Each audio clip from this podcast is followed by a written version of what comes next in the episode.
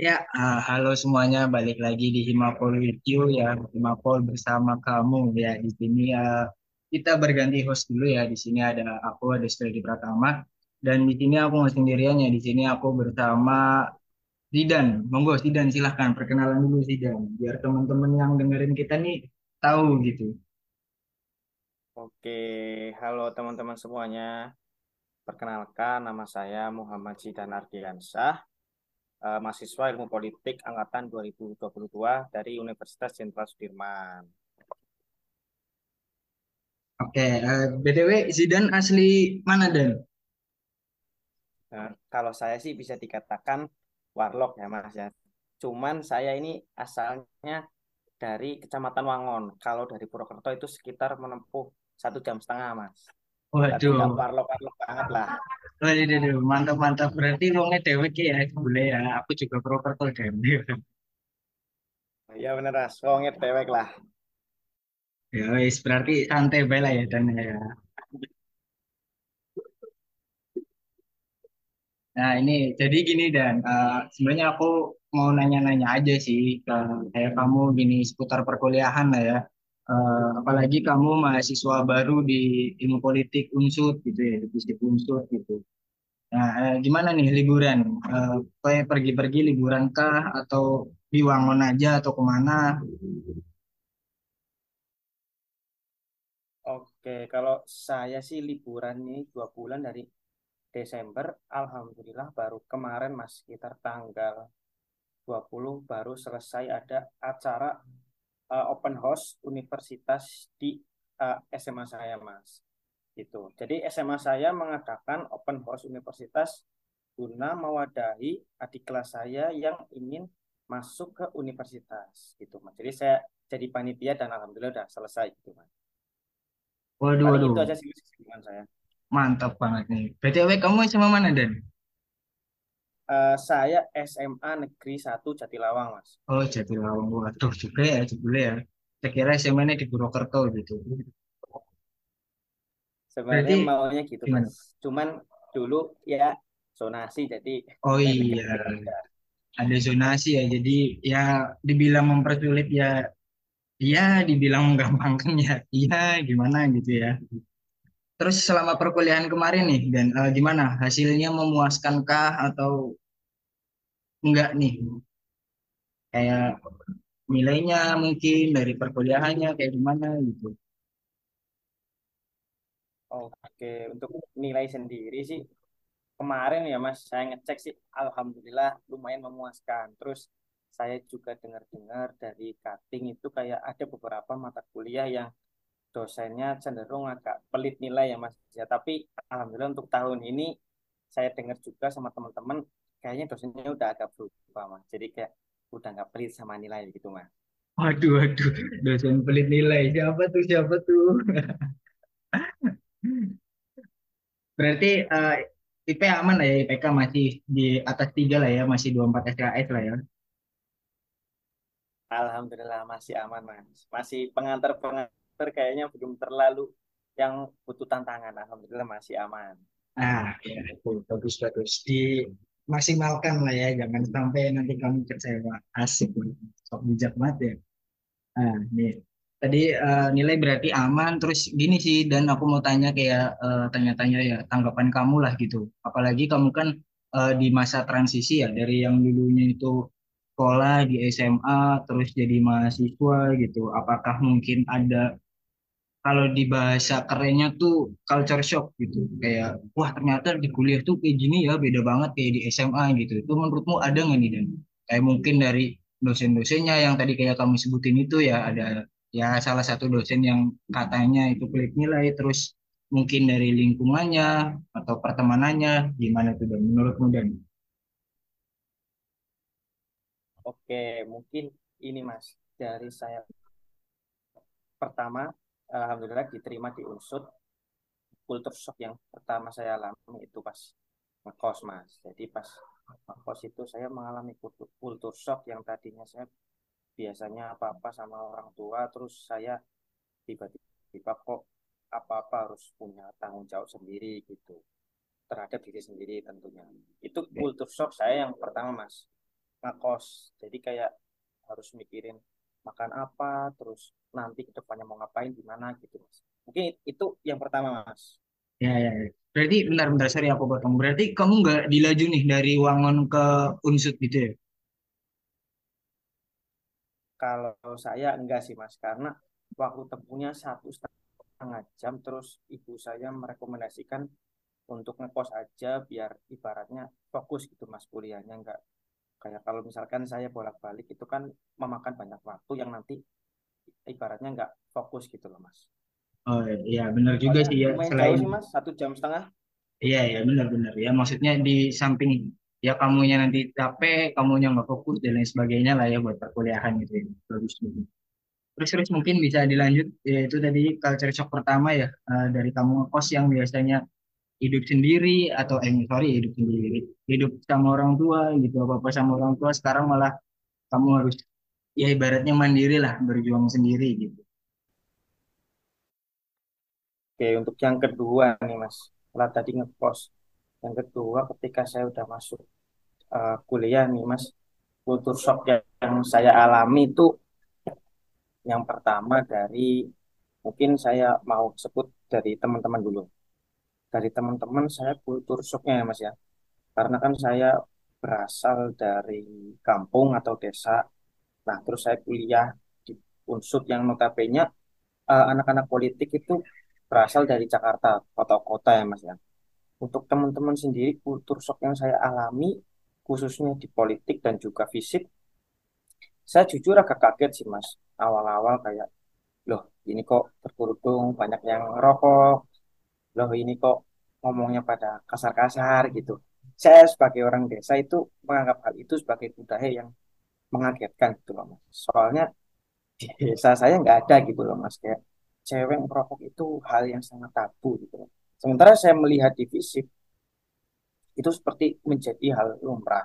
Dan saya menyikapi hal tersebut eh, dengan pikiran yang dewasa tentunya Mas, karena saya udah eh, jadi anak kuliahan, jadi saya menyikapi nggak langsung serta-merta saya menyalahkan gitu loh. Saya kayak berpikir dalam eh, pikiran saya sendiri, oh kenapa ya kira-kira kok dia bisa sampai melakukan hal demikian gitu. Itu yang pertama dari pertemanan Mas. Oke oke oke. Ah, berarti ya cukup kaget ya. Ya aku juga secara pribadi ya dan ya karena aku dari orang desa juga ya. Juga awal-awal sempat kaget juga gitu sih sama hal-hal kayak gitu ya. Apalagi ya yang kamu sebutin tadi itu. Cuman ya benar juga apa yang kata kamu gitu. Maksudnya semakin di sini juga semakin apa ya sadar kalau memang itu pilihan orang masing-masing lah ya gitu. Kita juga nggak bisa yang kamu jangan ini kamu jangan itu ya kita juga salah kalau melarang itu juga ya benar terus terus dan mungkin Iya. eh, bisa dilanjut lagi gitu ada Oh iya. culture shock lain Nah, yang kedua mulai dari lingkungan pembelajaran, Mas. Kalau culture shock transisi dari SMA ke kuliah. Kalau di SMA sih saya emang sering banget kerja kelompok ya, Mas. Jadi kalau di kuliah kerja kelompok saya udah nggak terlalu kaget lah. Tapi yang saya kaget itu kayak di kuliah ini benar-benar tanggung jawab atas dirimu sendiri loh. Dosen itu nggak anu bilang seperti "Eh, tugas jangan lupa dikumpulin hari demikian. Kalau di SMA mungkin masih ada yang masih banyak guru yang seperti itu ya Mas. Tapi kalau di kuliahan dosen benar-benar nggak peduli. Jadi secara tidak langsung itu benar-benar eh, melatih tanggung jawab kita terhadap apa yang sudah dibebankan gitu loh Mas. Itu mungkin yang eh, dari culture shock terkait penugasan ya Mas ya. Terus yang kedua kalau saya melihat di dunia perkuliahan terkait lingkungan belajarnya juga, eh, saya jujur adalah pribadi yang ekstrovert, Mas. Jadi saya nggak biasa sendirian. Saya eh, di kuliahan agak sulit ya, Mas. Eh, dapat teman mungkin baru berapa kenal-kenal banyak, Mas. Cuma teman yang benar-benar kayak saya deket itu mungkin bisa dihitung dengan jari ya, Mas. Soalnya saya kaget dulu saya waktu SMP, SMA orangnya banyak temen itu pas kuliahan merasa kayak udah selesai kuliah kok langsung pulang ke kos gitu loh itu saya shocknya di situ sih mas kok kok saya nggak punya teman gitu loh mungkin kayak gitu sih mas Oke, oke. Jadi banyak juga ya yang nyebutin ya kayak dari pertemanan gitu kayak eh, dari perkuliahan dulu deh maksudnya ya transisi gitu. Ya menurutku itu hal yang wajar sih dialamin di tiap mahasiswa apalagi mahasiswa baru lah ya. Angkatan baru yang dulunya dari SMA gitu ya. Ya, kita semua ngalamin masa-masa SMA lah di mana kita dimanjain banget sama gurunya ya buat ngumpulin tugas masih diingetin kalau ada apa-apa dibantuin gitu. Sedangkan di kuliah ini ya dosen mah ya cuek ya kan. Kamu mau ngumpulin mau enggak ya itu terserah kamu gitu kan. Material dan ya. Hmm. Ya mungkin ya awal-awal pasti bakal ngerasa aneh dan kaget sih. Cuman mungkin nanti kelama lama kelamaan ya bisa terbiasa lah gitu dan tahu eh, harus menempatkan dirinya tuh kayak gimana gitu. Terus buat masalah pertemanan juga Ya, sebenarnya masalah pertemanan itu selera ya, dan ya balik lagi ya, gitu. Nggak bisa ngelarang juga mau berteman sama siapa, harus temenan kayak gimana. gitu. Terus mungkin ada eh, gini gini sorry, Eh, buat pertemanan mungkin kamu melakukan pendekatan yang lebih kah atau ya udah kamu ngalir aja gitu sama teman-temanmu gitu. Eh, kalau saya jujur sih saya orangnya yang easy going ya Mas. Jadi kayak saya tuh nggak pilih-pilih teman. Terus kalau ada orang, saya justru cenderung yang ngajak ngomong gitu loh Mas. Terus saya kayak pada satu momen saya merasa kayak ini kok kayak eh, kayak nggak punya teman gitu loh Mas loh. Jarang loh Mas yang kayak ibaratnya satu nongkrong bareng gitu kayak saya anggap jarang sih Mas. Walaupun saya udah, at saya udah kayak memulai komunikasi duluan gitu loh Mas. Mungkin itu kendala yang saya alami di semester pertama gitu loh Mas. Mungkin belum aja ya Mas. Nah, ya itu bener banget. Mungkin ya memang belum aja gitu dari kamunya atau mungkin dari teman-teman itu masih belum menemukan kenyamanan di pertemanan kalian. Cuman kalau sedikit aku boleh cerita juga ya maksudnya di eh, pertemananku juga ya aku kurang lebih sama juga sih maksudnya yang gak punya banyak temen yang banyak banget gitu terus sering nongkrong gitu gitu sama anak-anak eh, teman-temanku gitu yang gak juga gitu.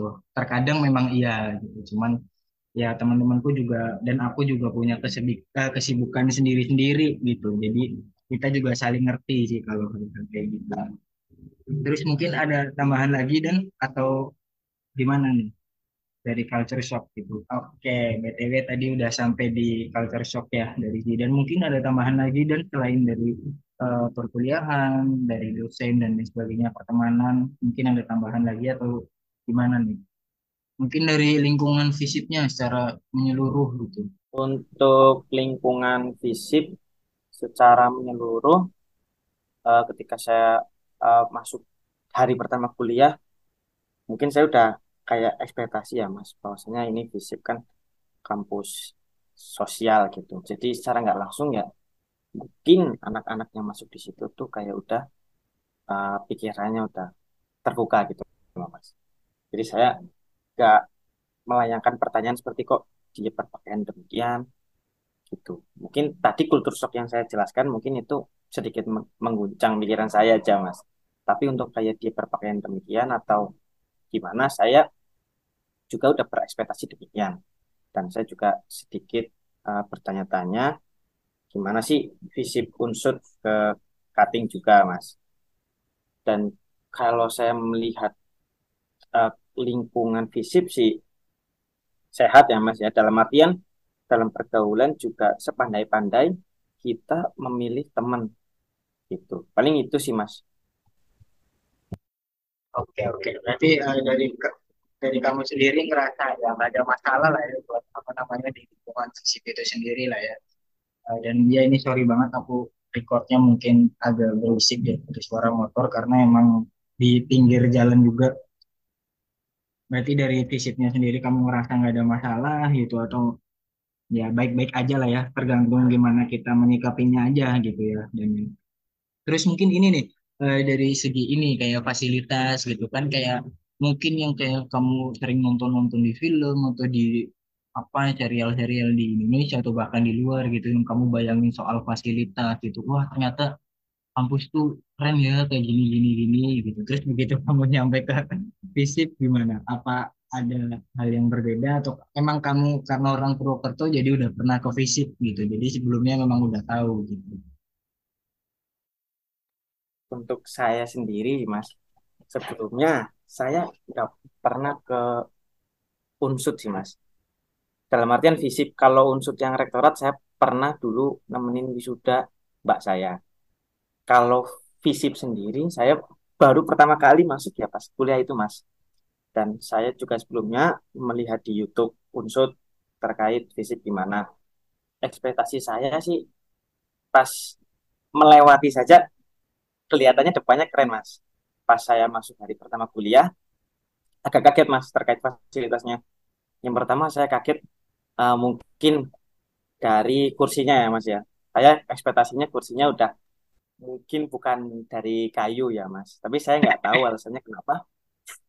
saya nggak tahu alasannya kenapa, Mas. Mungkin Go Green atau Adiwiyata Mandiri, saya juga nggak tahu, Mas. Tapi saya agak kaget, jujur itu kaget, Mas. Kayak depannya udah wah keren. Pas saya masuk ke ruang kuliahnya, fasilitasnya yang Loh kok memadai gini ya. gitu. Ya, ya. Mungkin kursinya aja, Mas. Ah, ya, oke oke. Untuk kayak apa komputer LCD alhamdulillah berfungsi dengan lancar dan juga udah ber AC semua alhamdulillah nggak kepanasan nggak ada kipas yang manual. Ya yang kayak yang di sekolah-sekolah gitu ya di SMA gitu. Kipas Gitu. warteg, kipas warteg. Hmm. iya kipas warteg dan mungkin kursi hajatan gitu. Itu udah nggak ada lah. Eh, Ya untungnya ya, ya itu udah iya. mending lah ya gitu. kaget sih mas. Soalnya di depan pas apa depan itu yang ada tulisan visip itu keren mas. Gedung depan keren. Nah Yang pas saya ini, sorry sorry, yang ya. yang gedung dekanat itu ya, yang gedung baru. eh dekanat itu mas. Ah, yang iya, baru itu iya. keren. Nah, pas saya pertama masuk kuliah, kelihatannya gedungnya mungkin kalau saya apa dapat informasi pas PKK MB Visip sih, mungkin karena eh, ada yang bilang ini Mas apa nggak mau di apa bangun karena itu termasuk bangun bersejarah. Jadi Visip secara nggak langsung sangat cinta sejarah ya Mas ya.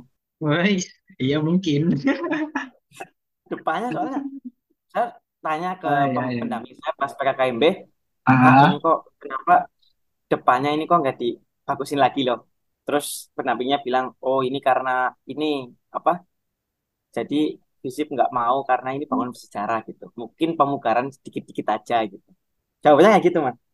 hmm, oke oke. Ya aku juga ini ya sedikit eh, membenarkan maksudnya, membenarkan artinya maksudnya membenarkan tuh memang di visit apalagi yang di bagian depan itu yang depan aula itu memang eh, deretan gedung-gedung itu ya itu tuh memang bagian dari cagar budaya gitu. Jadi memang udah kalau nggak salah tuh waktu itu aku juga sempat jadi pendamping di PKK juga kan jadi sempat belajar itu juga.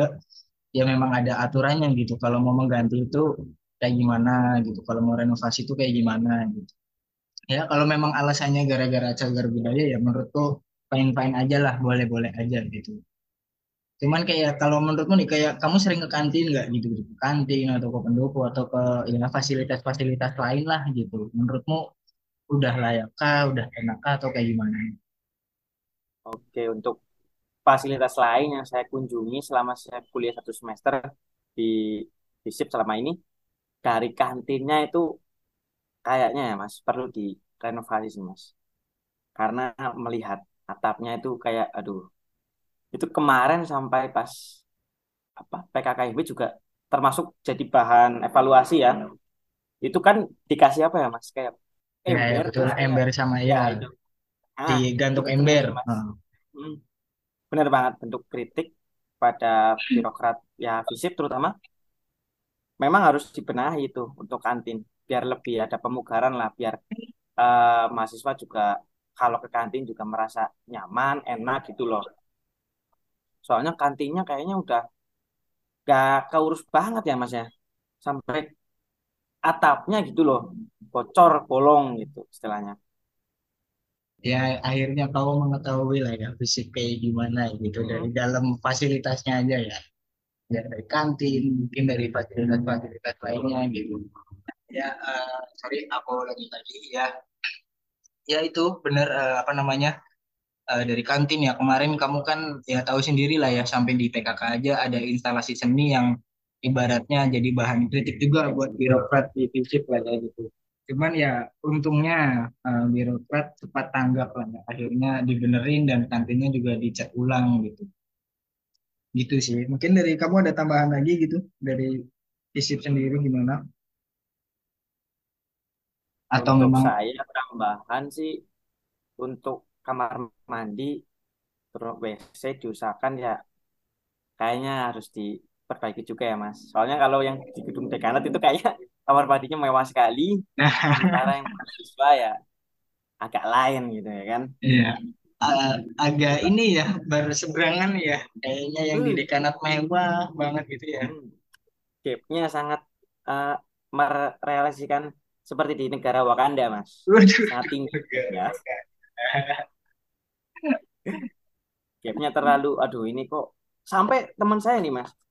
Kalau mau ke kamar mandi tuh harus ke dulu Mas, naik lift sengaja. Waduh, Aduh, aduh, aduh. repot juga ya jauh ya. Padahal ada Repot. toilet yang deket dari kelas gitu, tapi harus ke dekanat gitu. demi Iya. kenyamanan ya. Nah, demi kenyamanan. Sekelas buang hajat harus punya kenyamanan ini, Mas. Nah, Nah, ya. harus menjadi evaluasi bahan renungan bagi birokrat FISIP terutama ya. Nah, ya, aku juga lah.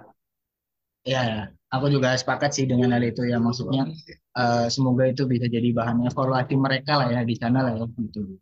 Bahwa ya fasilitas juga salah satu yang menunjang eh, prestasi lah ya. Ya kita nggak bisa kita pungkiri juga. Semakin baik fasilitas ya semakin kitanya betah buat belajar ya kan di gitu.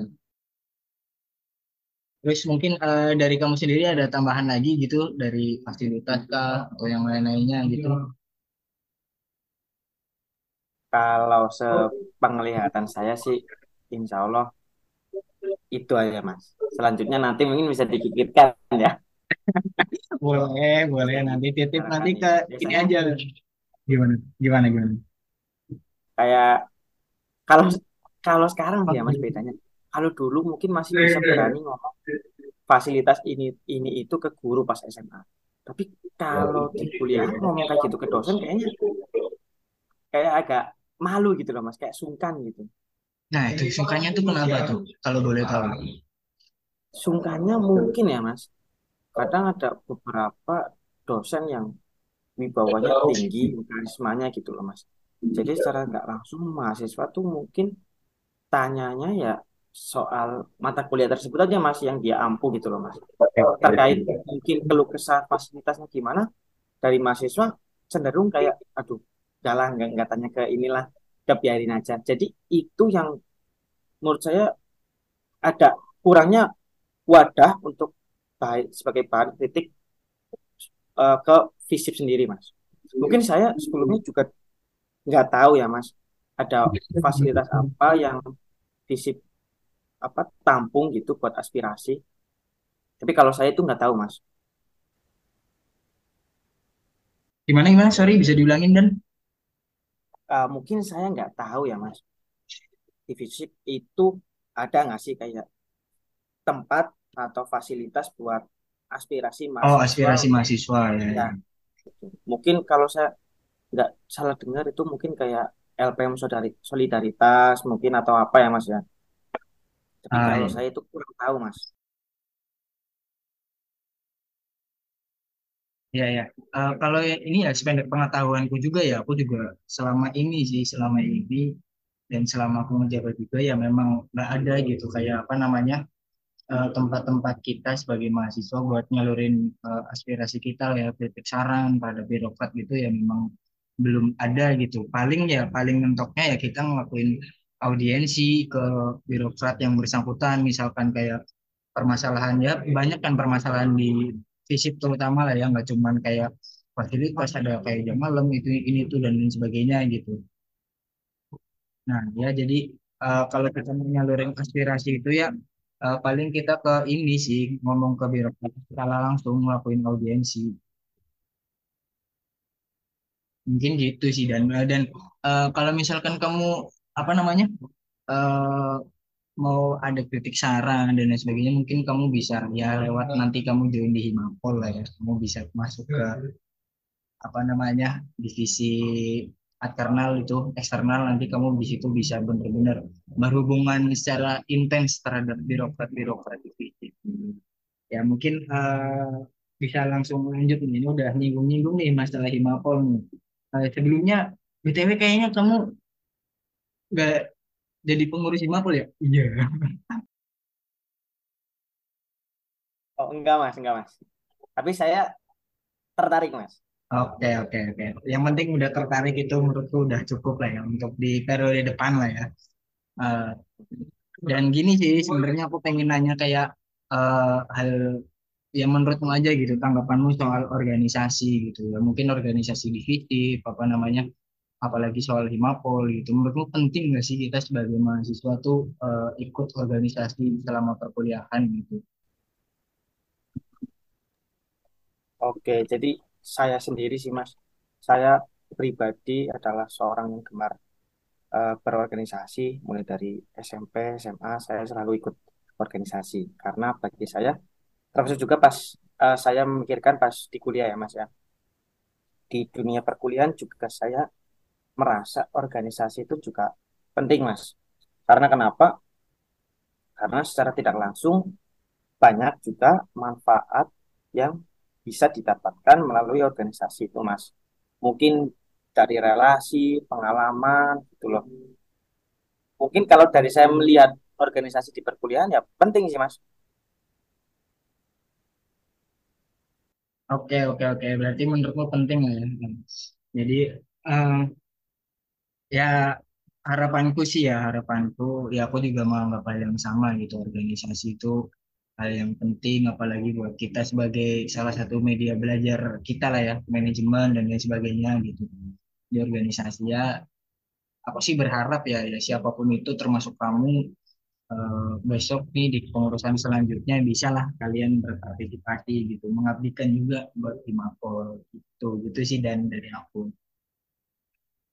Terus ini pertanyaan terakhir banget pertanyaan terakhir eh, hal apa yang bakal kamu lakuin ya? Persiapan apa yang bakal kamu lakuin buat uh, semester depan nih? Kan karena sekarang kan udah mau pergantian semester ya masuk ke kamu berarti semester 2 ya betul ya Dan ya betul mas. Semester 2 nah, nah itu. Hal-hal apa aja nih yang kira-kira bakal kamu persiapin? Mungkin kamu uh, bakal lebih ibaratnya apa sih? Kan kamu udah ngejalanin satu semester ini nih udah tahu ciri-ciri dosennya itu kayak gimana gitu. Lah bakal ngelakuin strategi apa kalau misalnya semester ke kalau saya belajar dari semester pertama sih yang pertama yang harus saya lakuin di semester kedua yaitu uh, materi pada saat kuliah itu diusahakan sepulang setelah kuliah itu harus diulas kembali biar nggak lupa pada saat UTS atau UAS. Yang kedua, mengenai tugas juga dari saya pribadi harus lebih uh, kencang istilahnya biar enggak keteteran pas deadline. Dan juga yaitu usahain materi matang sebelum UTS maupun UAS supaya nggak keteteran. Paling itu sih mas Oke, oke. Berarti ya se sejauh ini yang bakal kamu siapin ya buat akademik lah ya, intinya lebih matang lah ya. Karena ya, ya itu namanya mahasiswa ya, akademik ya salah satu hal yang penting. Mungkin ada tambahan lagi dan atau yang udah cukup? Uh, cukup mas, insya Allah. Oke, ya mungkin uh, gitu aja ya buat uh, episode episode apa namanya Himapol Video kali ini bersama uh, Muhammad Sidan ya uh, dari Ilmu Politik 2022 asli Wangon di Pos Wongedelek Bos. Dan sebelumnya makasih banyak nih Sidan udah menyempatkan waktu, menyempatkan tenaganya ya udah mau diajak podcast gini. Semoga uh, podcast ini bisa ngasih insight lah ya kalaupun nggak insight ya buat hiburan aja buat teman-teman di Tilpol terutama gitu ya dan ya dan uh, aku juga oke okay. ya. dan aku juga apa namanya uh, berharap ya semua berharap buat kamu ya maksudnya di perkuliahan nantinya kamu lancar maupun kamu nanti mau ikut organisasi atau UKM apa pun itu ya kamu dilancarkan lah dan bisa berprestasi gitu. Mungkin uh, Amin. Mungkin gitu aja ya, Sudan ya. Eh, Terima kasih aku ucapin sekali lagi. See you semuanya. Mungkin Sudan bisa you dulu buat semuanya. Oke, see you teman-teman semuanya. Ah, Oke, terima kasih.